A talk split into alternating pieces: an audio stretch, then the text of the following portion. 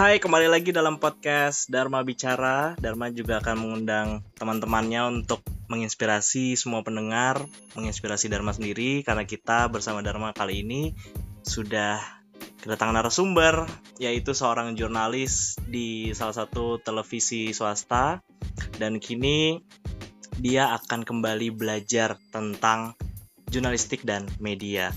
Sudah ada Tezar Aditya. Halo, Tezar. Halo, halo. Apa kabar? Baik, baik. Gimana kabarnya semuanya, para pendengar? Asik, asik banget. Gila, gila, gila.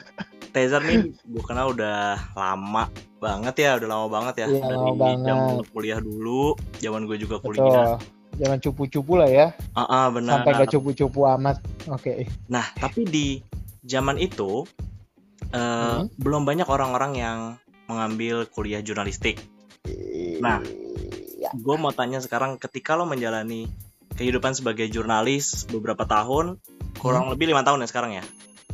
kurang lebih lima tahun. Kurang lebih lima Lebih sih tahun. harusnya. Mm-mm. Kurang lebih lima tahun. Apa sih yang akhirnya lo dapetin setelah lima tahun ini gitu? Pengalaman apa yang paling berharga menjadi jurnalis? Eh, banyak sih ya. Orang tuh gimana ya menjadi jurnalis itu kan banyak yang bilang kayak ketemu orang-orang penting gitu-gitu lah. Mm-mm. apa bisa ketemu langsung gitu sama pemangku-pemangku kepentingan orang-orang penting orang-orang yang biasanya cuma kita lihat di TV aja gitu tapi menurut saya sih esensi dari jurnalistik adalah menurut saya ya Mm-mm. itu kenikmatannya itu adalah melihat langsung sebuah peristiwa dan juga menjadi saksi mata langsung sehingga kita tuh apa ya menjadi uh, corong pertama gitu loh untuk menyampaikan apa keluhan-keluhan yang ada di bawah yang ada di masyarakat. Itu apa ya kenikmatan sendiri gitu. Ketika kita misalnya melihat ada sebuah kejadian yang kemudian kadang-kadang kejadian itu mungkin terjadi di bawah di grassroots di masyarakat tapi tidak sampai ke atas. Nah kita Hmm. kita yang menjadi yang menjadi corong penyampainya. Kemudian kalau misalnya aspirasi-aspirasi yang kita sampaikan lewat berita yang kita buat begitu. Sampai kemudian juga ada tindak lanjutnya itu kenikmatannya luar biasa. Itu sih. Jadi lebih dari sekedar ketemu orang-orang penting Jadi tapi lo tahu bisa- behind the scene-nya ya? betul bisa membawa dampak lah gitu. Kecil ataupun besar Mm-mm. mungkin belum sekeren sebutlah misalnya Najwa Shihab yang punya acara sendiri dan dia memberi dampak besar sekali kan Mm-mm. Eh, maksudnya sekecil apa pun gitu menjadi jurnalis itu yang penting menurut saya adalah bagaimana kita bisa berdampak sih buat Oke, tapi- masyarakat gitu. Tapi selama lima tahun ini lo suka menjalani ini? eh kayak semua pekerjaan mungkin ya. Jadi ada on off-nya kadang-kadang happy banget, kadang-kadang jenuh banget itu wajar sih. Tapi eh, lagi-lagi sih kita gimana caranya sih selalu men- mencari eh, apa motivasi sih, mencari Selalu ada enak dan gak enaknya sebenarnya. ya, betul pekerjaan. bahan bakarnya gitu sih. Se- semua pekerjaan kayaknya sama aja sih. Nah, dari momen-momen yang udah lo lalui dan akhirnya lo tahu apa yang ada di balik layar, momen apa sih yang paling lo ingat selama lima tahun terakhir? Lo ketemu siapa atau lo meliput apa Iya, yang iya, iya, iya. Jadi dari lima tahun terakhir ini meskipun dikasih beberapa kesempatan, misalnya saya dua tahun belakangan ini megang eh, ID Wapres, tapi alhamdulillahnya nggak selalu ke istana, ke Hmm. istana wakil presiden, tapi juga saya kebanyakan floating malah, jadi kayak nggak nggak nggak ngepost gitu. Eh, jadi kan Oke. kalau ju- jurnalis itu kan ada yang post, misal tik misalnya kita setiap hari di KPK terus atau di kementerian apa terus atau di Hmm. istana terus gitu. Ada jurnalis yang floating muter-muter. Jadi kadang-kadang di KPK kadang-kadang di mana gitu. Kebetulan eh, Jadi saya juga siaran mungkin. ya, ke betul. jadi pengalaman-pengalaman yang saya dapat setiap hari itu kayak nggak bisa apple to apple nggak comparable antara satu sama yang lain. Banyak yang seru banyak yang nggak seru juga banyak yang menegangkan banyak yang membahagiakan gitu Oke. sih Ah, tapi menurut Hmm. ah, menurut gue nih yang paling yang paling apa selalu menantang itu kalau misalnya terorisme sekali lagi sih karena gimana ya Nah, gitu itu- loh Tunggu tunggu, itu gue pernah pernah waktu itu pernah pernah nonton lo live eh, beberapa Eh. kali dalam sehari, terus kemudian eh, kameranya roll mengikuti lo ke mana pun lo pergi. Hmm. Waktu itu Tamrin kalau nggak salah ya, ah Eh, Mama Ah. Tamrin itu apa sih yang terjadi hari itu di depan mata lo yang harus penonton tahu sebenarnya gitu? Seberapa sulit sih kerja lo hari itu? pokoknya kalau terorisme sama demo itu tuh kayak aduh udah perlakuan khusus ketika kita misalnya demo jeder ini kayak kayak kita biasanya magnitude-nya gimana nih gede apa enggak gitu loh. Kalau misalnya gede ya udah siap-siap lah kita kayak ya udahlah kita pasrahin diri aja. De, eh, tapi yang yang tam, bom tamrin itu aku eh, gue inget banget tuh pada saat itu adalah nggak belum terlalu lama sih gue jadi eh, eh, wartawan ya. Kemudian ada bom tamrin gede banget dong. Bom di tengah Jakarta Iya. Piring satu Tamrin Sarinah Mm-mm. coy itu kayak ibarat kata dekat banget sama semua muanya kan di dunia ini di Indonesia gitu loh. Iya. jeder nah pas bomnya sendiri kebetulan hari itu masuk siang. Nah udah se- se- sebenarnya sih nggak terlalu gimana ya nggak nggak terlalu tegang. Tapi pada saat itu um, menjelang sore itu dipastikan semuanya udah aman. Ingat banget semuanya udah aman.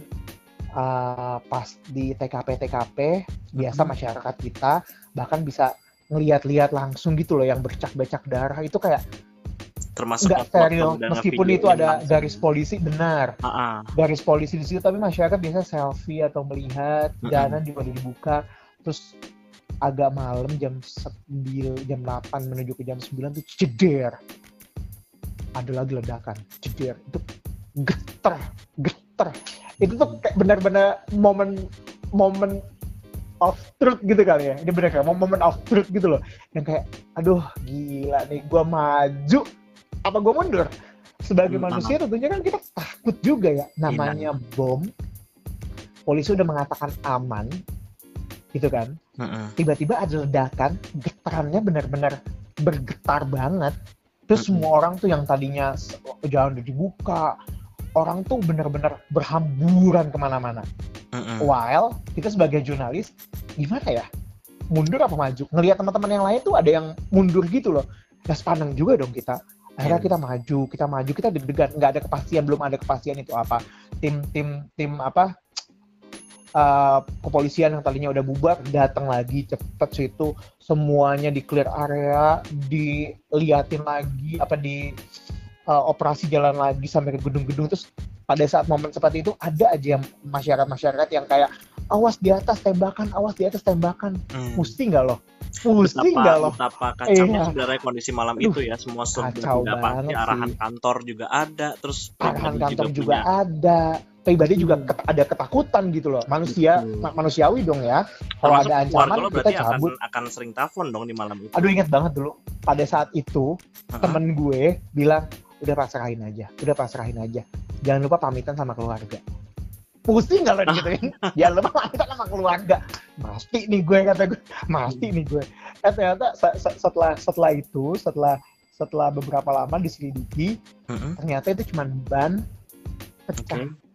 ban truk pecah. Aduh. Gimana caranya ada ban pecah ban truk pecah? Mm-mm. Di jalanan yang sebenarnya harusnya nggak ada truk jam segitu. Karena di Jakarta kita tahu ada larangan melintas uh, ini kan Betul. apa mulai angkutan malam sampai besar pagi. kan? Ya nggak mulai malam sampai jam 9 pada saat itu. Sampai- itu jam 9 malam. Oke. jadi nggak ya Allah sumpah itu.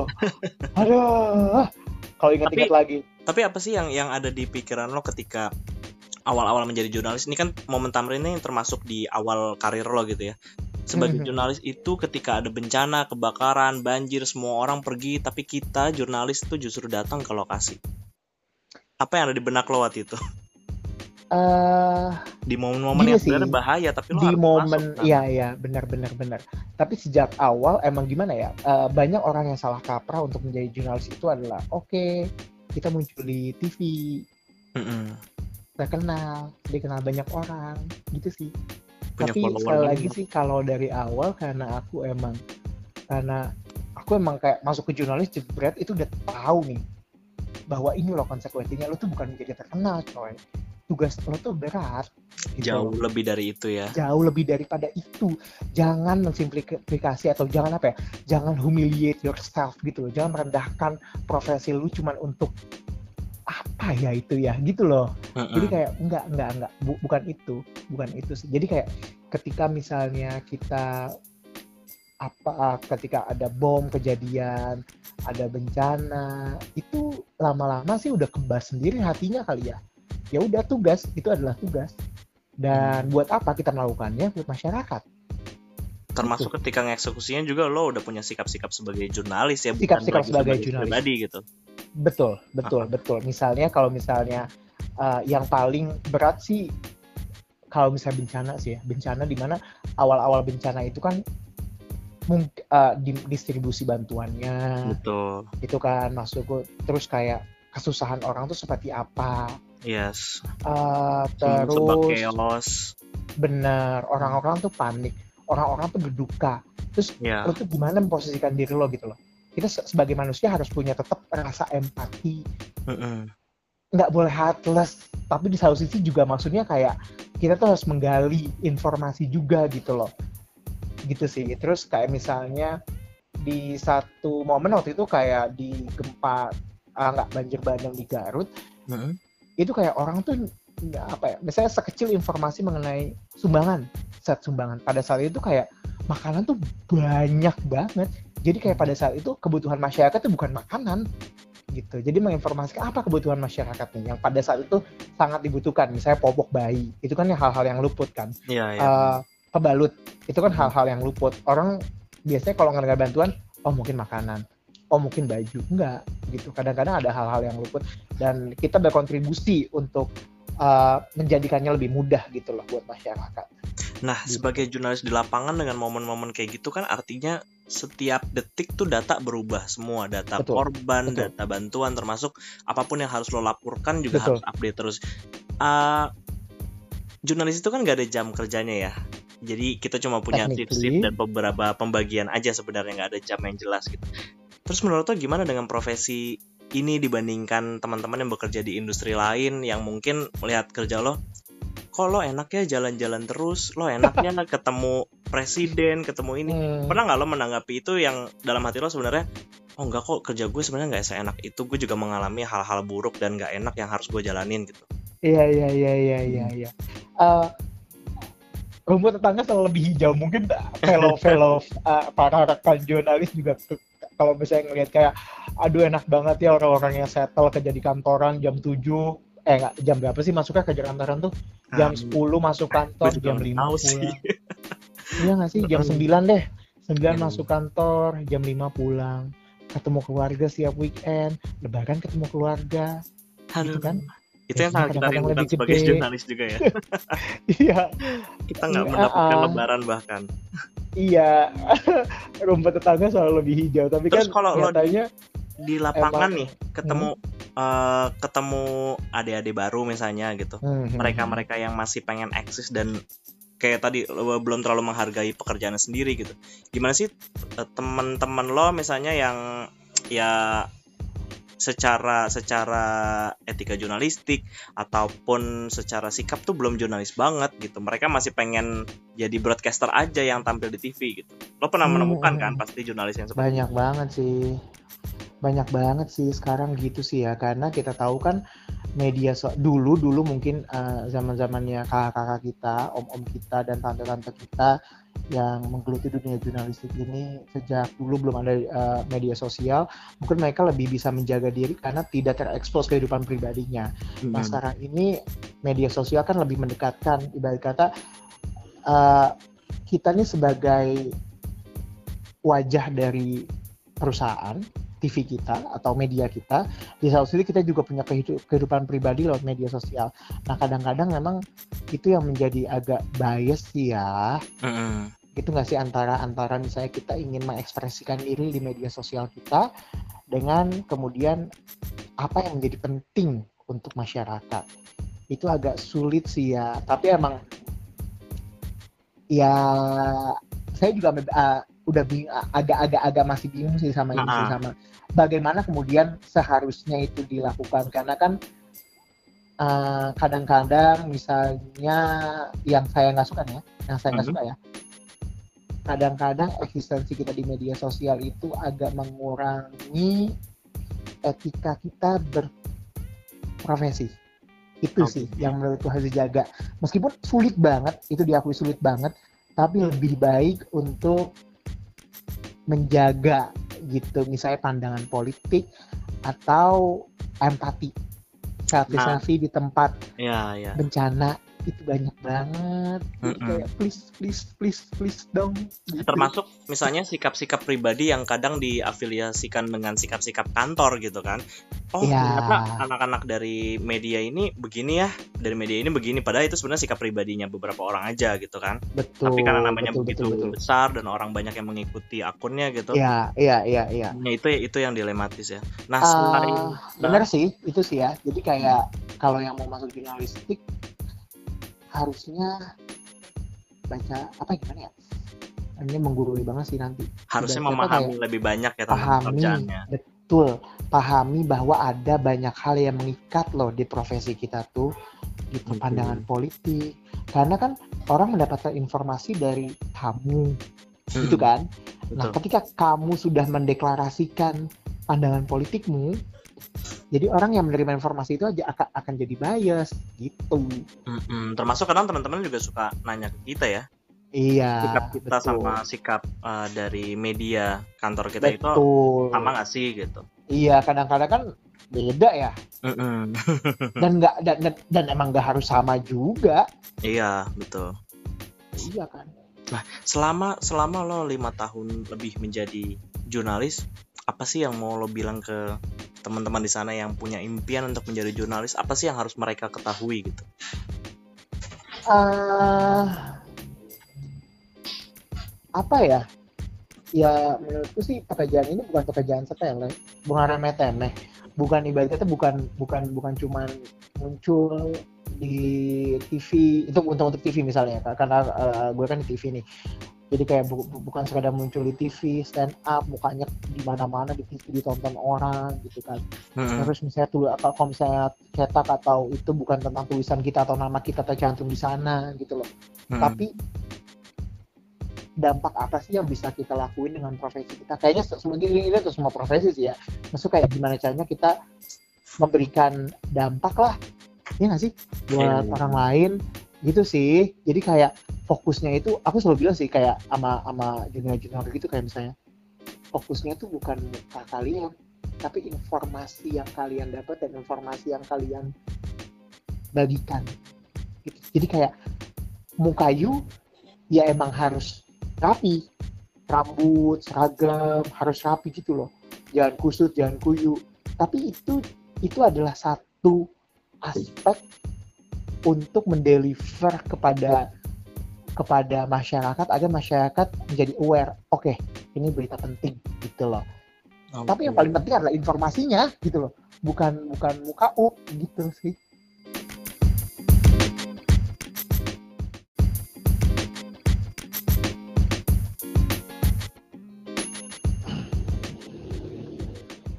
Waktu S1 jurusannya jurnalistik. Betul. Oke di Win Jakarta Win Syarif udah tahu Jakarta Win uang Oke, di angkatan lo itu sebenarnya belum banyak orang-orang yang eh, tertarik untuk menjadi broadcaster, artinya jurnalis yang tampil di TV. Tapi sekarang kita lihat banyak sekali anak-anak muda yang kayaknya pengen banget tampil di TV tanpa tahu bahwa jurusannya belajar tentang apa saja, kemudian mereka harus Hmm, lewat hmm, hmm. jalur mana gitu. Iya, iya. Jadi sering kali eh, kalau gue bilang mereka menjadi jurnalis dengan ilmu yang prematur kalau menurut gue gitu. Tapi Hmm, kalau oke. menurut kalau menurut lo nih yang memang eh, alumni jurnalistik, gimana sih Iya. lo melihat eh, kualitas dari jurnalis saat ini? Wow, waktu itu eh sorry, wak- walau itu cetak, TV, radio, apa pun itu, Iya, menurut lo iya. gimana sih yang sekarang? malah menurut gue harusnya jurnalistik itu dari rumpun dari jurusan yang berbeda sehingga kemudian menciptakan informasi yang lebih apa ya lebih holistik gitu loh lebih lebih lebih lebih, lebih lengkap dengan perspektif keilmuan yang lain gitu loh. Karena nyatanya uh, dulu, dulu tuh awal-awal ini ada curhat sedikit awal-awal ngambil jurnalistik itu karena setelah nggak mau lagi karena dulu kan SMA IPA setelah nggak mau lagi berkutat sama angka-angka yang ternyata gue nggak ahli sama sekali di angka-angka jadi akhirnya memutuskan kuliah untuk di bidang sosial. Pada saat itu mimpinya dari Hmm. awal adalah menjadi diplomat milih HI tapi entah kenapa di UIN itu kan PMDK nih pilihan di bawah HI itu komunikasi jurnalistik.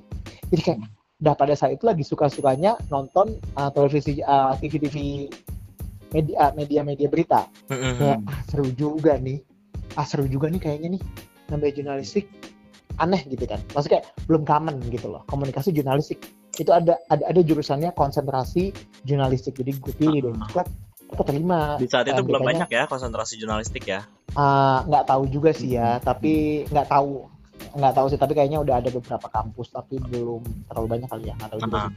Ah, tapi habis itu pas dijalanin jujur banget ya Mm-mm. pas dijalanin kok begini doang kuliahnya Nah, Oke. gitu sih kayak Duh, sombong banget anak ya kayak kok, begini doang Di bawah ekspektasi lo.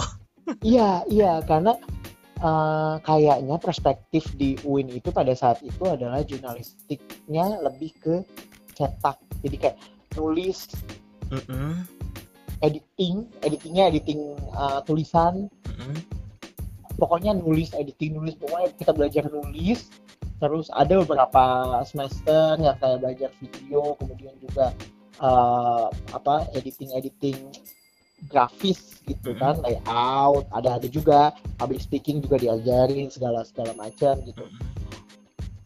tapi ternyata emang penyakit di mana-mana lulusan jurnalistik itu kebanyakan Mm-mm. pengetahuannya hanya tahu soal teknis. Jadi kayak dia bisa mengambil gambar, dia bisa public speaking, dia bisa menulis. Kelemahannya tulisannya kosong atau Oke. informasinya kosong. Karena misalnya karena ternyata ketika saya gue kerja kerja di jurnalistik jebros gitu loh. Mm-mm. Banyak meliput ekonomi, terus meliput politik, meliput sosial, Jadi justru pelajaran hukum. lo tuh justru dari Hukum. lapangan ya. Iya, heeh. hukum yang kayak kita nggak pernah belajar apa pun tentang hukum, belajar Mhm. apa pun tentang ekonomi. Nyatanya kemudian pas lagi liputan pun kita dihadapkan dengan persoalan-persoalan yang kita harus belajar lagi gitu loh. Kayak Mhm. misalnya liputan di bursa, liputan mengenai ekonomi makro, suku bunga Bank Indonesia. Heeh. Anak jurnalistik mana diajarin begituan? Gitu Iya. kan? Jadi kayak kayak benar-benar kita belajar lagi. Itu kelemahan anak jurnalistik. Jadi pesan-pesannya buat anak-anak jurnalistik sekarang banyakin baca. Iya, banyakin baca. Apa pun di dunia ini apa pun di dunia ini dibaca. Itu sih selalu yang, yang, yang gue sampaikan kepada adik-adik biasanya kalau misalnya ada ke kampus banyakin baca deh. Karena ternyata ilmu ilmu teknis menulis ilmu teknis itu tuh kayak cuman secuil di antara jutaan informasi yang ada dan kita gunakan pada saat kita kerja nanti di bidang jurnalisme. Hmm. Itu Tapi sih. Nah, enaknya, dari- enaknya menjadi misalnya kita banyak kan, misalnya lo lo kan dari sosiologi itu kan kayak mungkin lu punya perspektif yang beda mengenai sebuah Mm-mm. hal gitu loh. Atau teman-teman yang ekonomi atau teman-teman yang hukum. Wah, teman-teman yang hukum tuh kalau misalnya kita ngikutin persidangan itu kayak udah Udah ngelotok lah ya. ngelotok banget ya, udah ngelotok banget. While kita jurnalistik kita cuma bisa public speaking aja mungkin yang Hmm. bagus. Tapi kayak isinya kadang-kadang kosong. Iya. Gitu sih. Nah, dari teman-teman lo yang di jurusan yang sama, di kelas yang sam- sama, berapa persen sih yang akhirnya menjadi jurnalis sampai sekarang? Nggak tahu persis sih berapa persennya, tapi Perkiraan? uh, Setengahnya nyampe nggak? dua, enggak sih setengahnya enggak lah ya. Setengahnya enggak lah ya.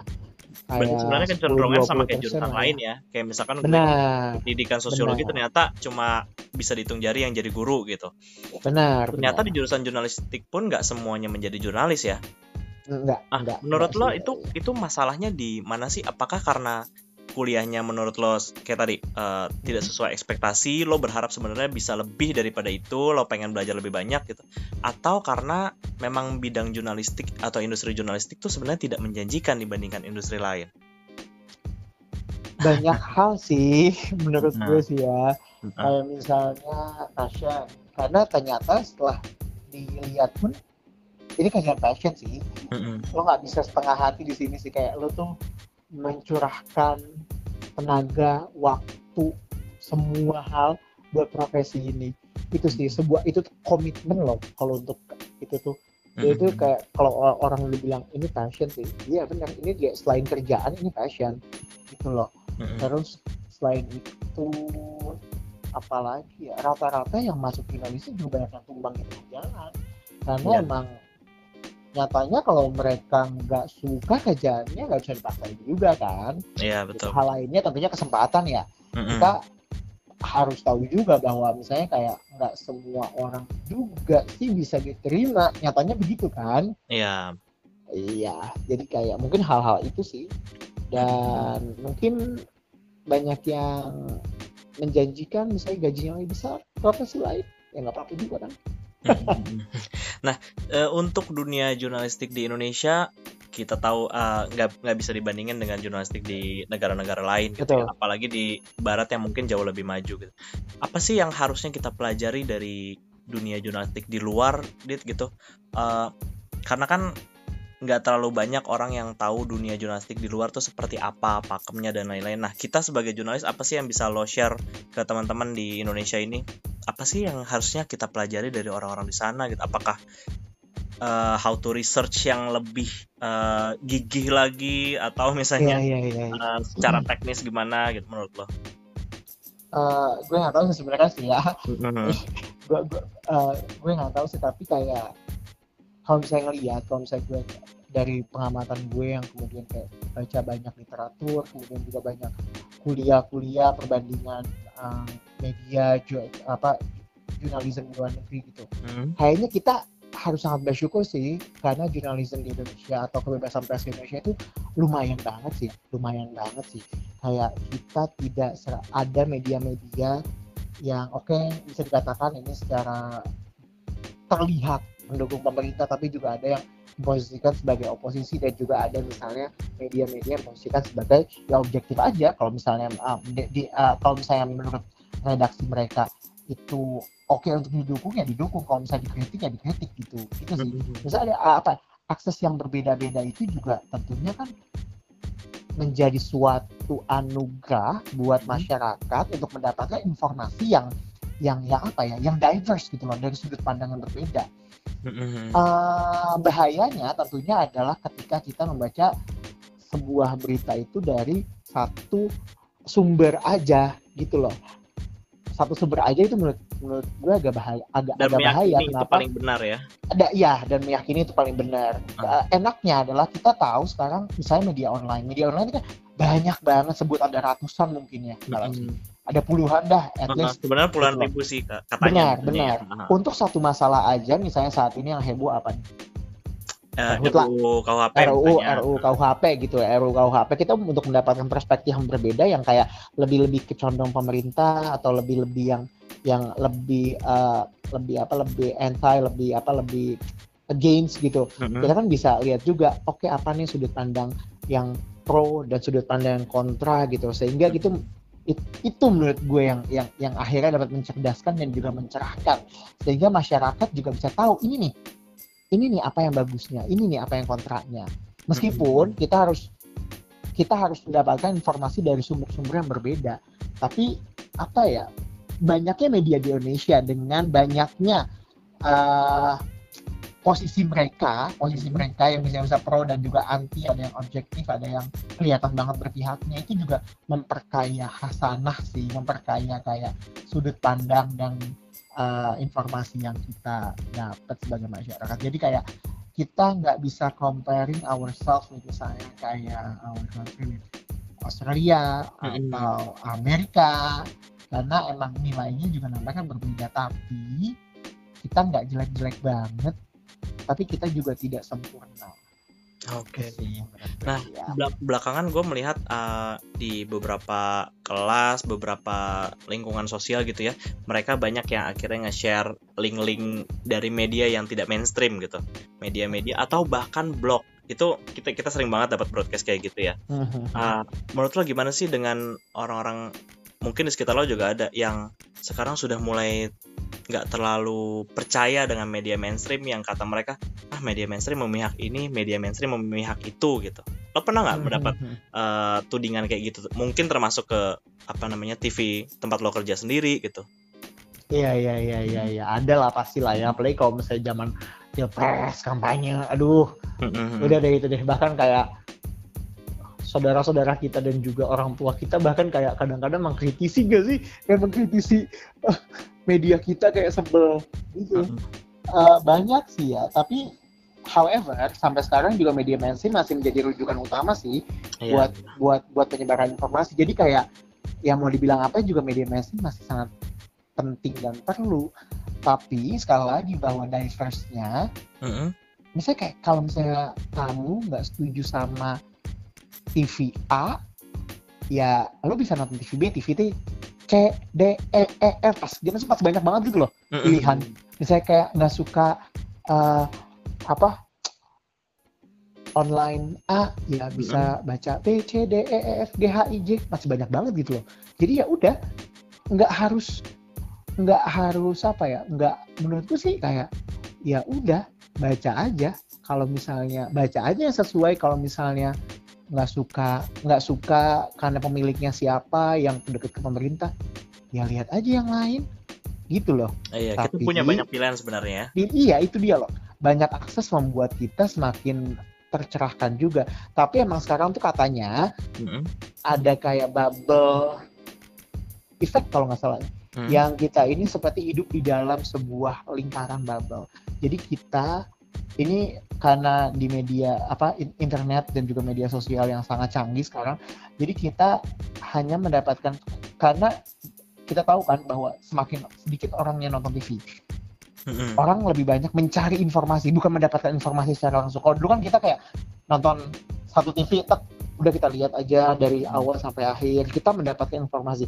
Kalau sekarang tuh eh, zamannya lebih kepada orang mencari informasi. Sekarang yang hangat apa? RUU eh, apa? Revisi undang-undang KPK ya kita akan nge-googling revisi undang-undang KPK jadi kita mencari informasi. Nah tapi dengan cara seperti itu kita kadang-kadang hanya membaca apa yang sesuai dengan nilai kita. Jadi kita seperti hidup di sebuah lingkaran yang kita hanya apa ya, yang kita hanya ber- berkutat sama informasi yang sesuai sama kita. Gitu yang sih. kita mau Nah, dengar aja yang kita, yang kita mau aja. dengar dan sesuai dengan nilai-nilai kita. Itu Hmm. yang agak bahaya sebenarnya. Karena belum tentu loh apa nilai-nilai yang kita apa sudut pandang yang kita yakini itu benar itu benar-benar kebenaran yang Sebenarnya. mendekati kebenaran sebenaran gitu loh. Oh, Oke. Gitu sih. Jadi kayak ag- agak pelik dan nggak semua orang paham agak sebenarnya. ya. Ah. Betul, betul, betul. Jadi gimana caranya baca dari banyak referensi. Itu sih yang paling penting sih. Baca dari banyak referensi sehingga lo tercerahkan. Lo Mm-mm. tercerahkan bahwa selain sudut pandang lo, ada juga sudut pandang orang lain. Sehingga nanti lo akan menghargai perbedaan-perbedaan Mm-mm. uh, perbedaan-perbedaan bahkan kalau kalau kalau menurut orang kayak perbedaan-perbedaan versi kebenaran karena kebenaran itu nyatanya belum tentu sempurna belum tentu hakiki gitu loh. Hmm. ada ada banyak kebenaran-kebenaran yang yang yang yang apa ya? Apa sih? Kayak orang tuh kayak bilang mungkin dia benar gue juga benar. Gitu loh. Jadi kayak tergantung sudut pandang mana yang dipakai gitu kan. Nah, jadi gitu sih kayak kayak misalnya gue mau bahas dikit misalnya kayak Livi Zeng kemarin ya, Livi Cheng. iya Uh, banyak orang yang bilang dia salah, banyak yang bilang dia benar. Ternyata ada sebuah media yang justru menginvestigasi hal lain, misalnya bisnis bapaknya, kemudian ada yang cross check langsung ke Hollywood segala macam. Itu kan artinya kemauan masyarakat sendiri untuk baca jauh lebih banyak dibandingkan yang mainstream mainstream ini gitu kan.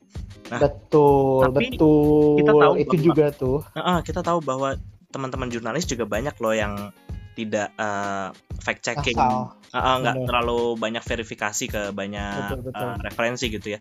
Nah, apa sih yang mau lo kritisi dari dunia jurnalistik di Indonesia saat ini gitu? Kalau gue ngerasa kayak banyak teman-teman yang nggak ngecek ke banyak sumber gitu.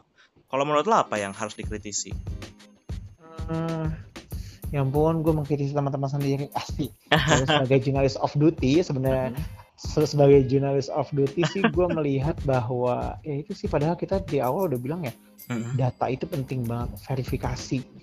Disiplin verifikasi gue ingat banget tuh selalu bilang disiplin verifikasi apa artinya? Ketika lo mendapatkan informasi tugas lo bukan menulis informasi itu. Bukan Lo cuma cross- nulis ya. iya bukan cuma menulis tapi lo cross check tuh informasinya cross check berulang. Wah, kalau misalnya lo dapet informasi lagi cross check lagi cross check lagi cross check lagi. tugas jurnalistik tuh sebenarnya kayak bukan mencari kebenaran tapi mencari fakta yang mendekati kebenaran Oke. Itu, yang itu gue suka tuh mendekati kalimatnya. kebenaran. Itu itu mungkin yang lo pelajari di kelas kan dan dan tidak dipelajari teman-teman jurnalis yang mungkin berbeda background. Ya, Eh, dengan dengan eh, misalnya sedikitnya eh, jurnalis yang akhirnya melakukan verifikasi ke banyak sumber gitu pernah nggak sih lo sendiri mengalami miss di bagian itu kalau di kantor dulu mungkin awal-awal pernah kayak gitu oh pernah, pernah, terus pernah. apa yang lo lakukan Eh, mungkin kalau verifikasi karena sekarang ma- mainannya apalagi kalau udah kecepatan ya, Mm-mm, kecepatan kan. mm-mm, Jadi kadang-kadang eh gue nggak tahu sih ini benar apa salah ya karena gue juga masih baru kan. Jadi mm-mm. kayak tapi kayak banyak juga yang menurut mereka kayak ya udah kalau misalnya dapat satu quote ya siarin aja quote itu. Kalau misalnya nanti kalau misalnya nanti ada fakta baru kan tinggal disiarin lagi yang baru. Gitu loh. Jadi kayak membiarkan itu berkembang. Berkembang berkembang berkembang gitu loh. Jadi kayak se- sehingga nanti akan mendekati kebenaran. Mungkin gitu kali ya niatnya ya, ak- akan mendekati mendekati fakta yang yang yang yang sebenarnya terjadi atau uh, mendekati fakta atau kebenaran yang yang yang apa ya mendekati kebenar yang paling benar gitu loh Mm-mm. benar-benar benar. ah karena ya kan iya karena relatif banget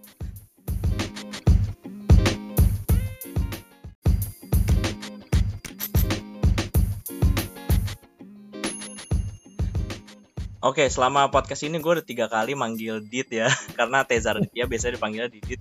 Nah, Hmm, Dar.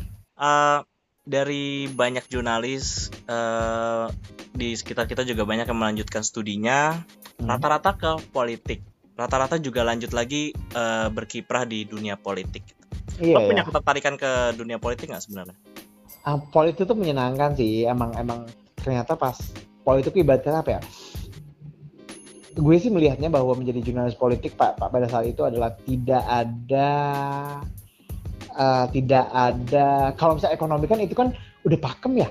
Mm-mm. kalau ini ini akan terjadi kalau ini ya ini akan terjadi. Kalau politik tuh kayak benar-benar dinamis banget dinamis banget. Yang awalnya kita tahu uh, kelihatannya di media di image dibuat image ini versus ini yang padahal di belakang layar ya mereka temenan aja biasa. Gitu sih. Dan dan emang itu itu mungkin kedinamisan itu yang yang yang membuat banyak uh, wartawan lebih condong ke politik sih. Menurut gue sih.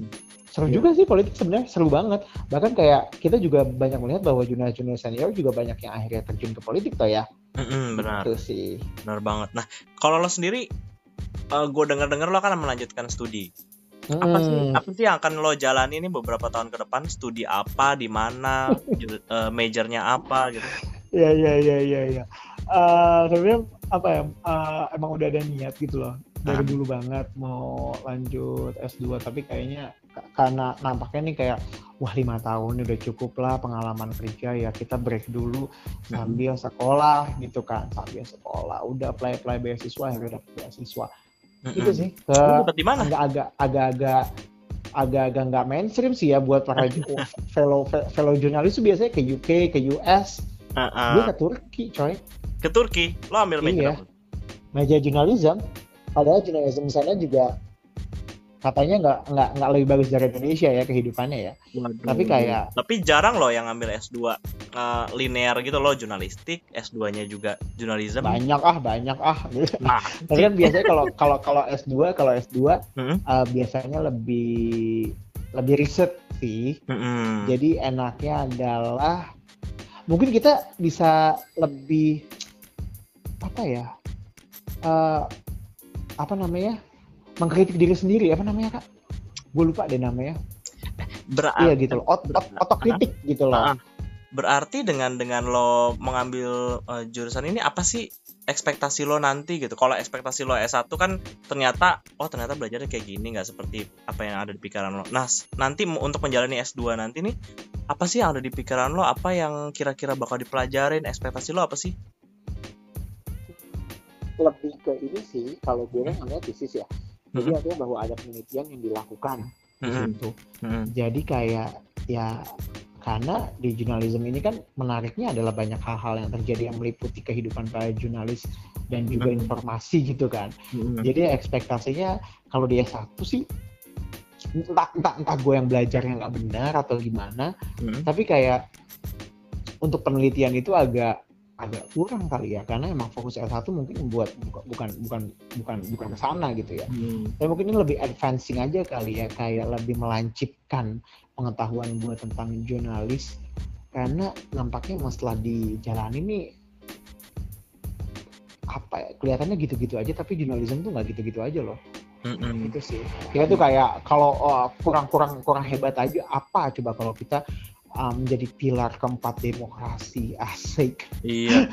Sebenarnya iya kan? berkembang secara pesat kalau di Indonesia betul, ya perubahannya bisa. digital apalagi Be gitu. betul betul betul. Jadi gini loh arti berkembang secara pesat ini adalah bahwa momentum ini tuh harus tetap terjaga.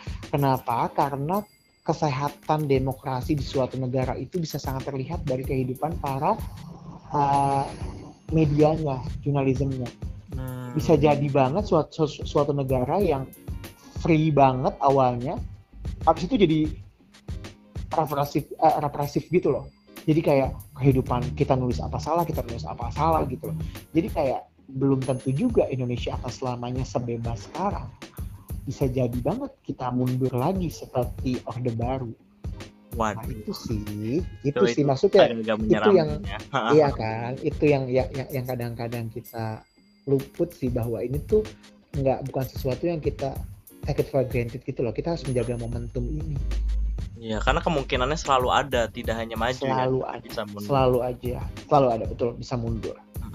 Oke, okay. uh, eh, apa sih pesan yang mau lo sampaikan untuk jurnalis muda, jurnalis baru, ataupun teman-teman yang masih SMP, SMA yang punya cita-cita untuk menjadi lo, menjadi gue, menjadi jurnalis gitu? Apa yang mau lo sampaikan ke mereka? Uh, tetap mengabdi pada ini ini ini banget sih klise banget ya. Tapi menurut gue gue tuh selalu bilang ini sih kayak tetap mengabdi pada kebenaran hati nurani dan masyarakat. Jadi kayak jurnalis tuh banyak banget uh, ini loh banyak banget apa banyak banget potensi untuk keserimpet jatuh gitu loh yeah. kedekatan kita kedekatan kita dengan narasumber membuat kita kadang-kadang susah untuk menjadi objektif. Lo dekat dengan pejabat apa lo tidak bisa menjadi pengkritik dia. Betul. Itu sih. Padahal padahal tugas kita adalah menjadi telinga dan mulut bagi masyarakat. Itu sih. Gue tuh kayak kalau misalnya ada sesuatu hal misalnya gue ada kesimpangan jalan gue tuh akan ingat bahwa kita tuh menjadi suara bagi orang-orang yang voiceless orang-orang yang tidak punya suara gitu tidak mampu menggapai menggapai para elit untuk bersuara kadang-kadang gitu sih. Nggak nggak itu, itu itu idealisme banget sih. Tapi maksud gue kayak banyak kok happy happynya kita banyak liburan meskipun capek juga ya. Tapi maksud gitu loh pesan-pesannya gitu sih. Selalu tetap tetap mengabdi pada hati nurani dan juga masyarakat. Karena kita kerja ternyata bukan buat diri sendiri loh. Iya gak sih? Tapi kerja tuh bukan buat diri sendiri. Eh tapi jujur ya ini dengar dengar kata-kata lo dari tadi nih gue uh, lumayan sedih ya uh, melihat bahwa selama gue menjadi jurnalis pun ternyata banyak juga oknum teman-teman ataupun narasumber yang akhirnya membuat kita mencederai profesi kita sendiri gitu. Dan Benar. itu kan memang sebenarnya manusiawi terjadi di industri apa pun ya dalam pekerjaan Betul. gitu tapi gue sedih sih melihat bahwa idealisme itu yang kadang lupa kita jalani gitu. Oke okay, iya dit uh, gue denger lo besok nanti malam besok malam ya? Besok malam rencananya akan berangkat ah. untuk melanjutkan studi S2 di Turki. Uh, semoga perjalanan lo lancar Semoga Amin. kuliahnya lancar, uh, bisa memperdalam Amin. ilmu jurnalisme, Amin. membawa nama baik Indonesia, pulang-pulang bawa ilmu yang banyak. Amin. Selama di sana semoga bisa sharing-sharing lagi sama kita semua lewat media apa pun. uh, amin, amin. Terima kasih untuk jadi narasumber di bidang jurnalisme ini. Ya, tetap semangat semuanya. Dan gue minta doa juga sih karena gue juga sebenarnya nervous sih karena udah lama banget kan gak kuliah kan terus tiba-tiba gue kuliah panas juga kepala gue pasti keluar Iya iya iya. Tapi karena karena lo akan fokus kuliah aja, insya Allah lancar lah semuanya lah. Apalagi Amin. lo memang punya punya basic di bidang jurnalisme kan, insya Allah lo kerja di situ juga, insya Allah lancar semuanya. Uh, yang penting Sekali ilmunya lagi. bermanfaat sih Iya iya sih benar yang penting ilmunya bermanfaat buat semesta Benar-benar. gitu nggak jangan egois gitu kalau punya ilmu tuh Hmm. sendirian aja oh berarti lo Terus dibawa punya mati utang nggak jadi sharing-sharing apa-apa. nih sama orang-orang dong selama lo Oh. belajar ah siap Iya, pokoknya gue iya, tunggu karya-karya lo di apa pun itulah tulisan video amin amin amin oke sukses gitu. juga Ah, thank Sip. you sampai Thank you. ketemu lagi sampai jumpa sampai jumpa teman-teman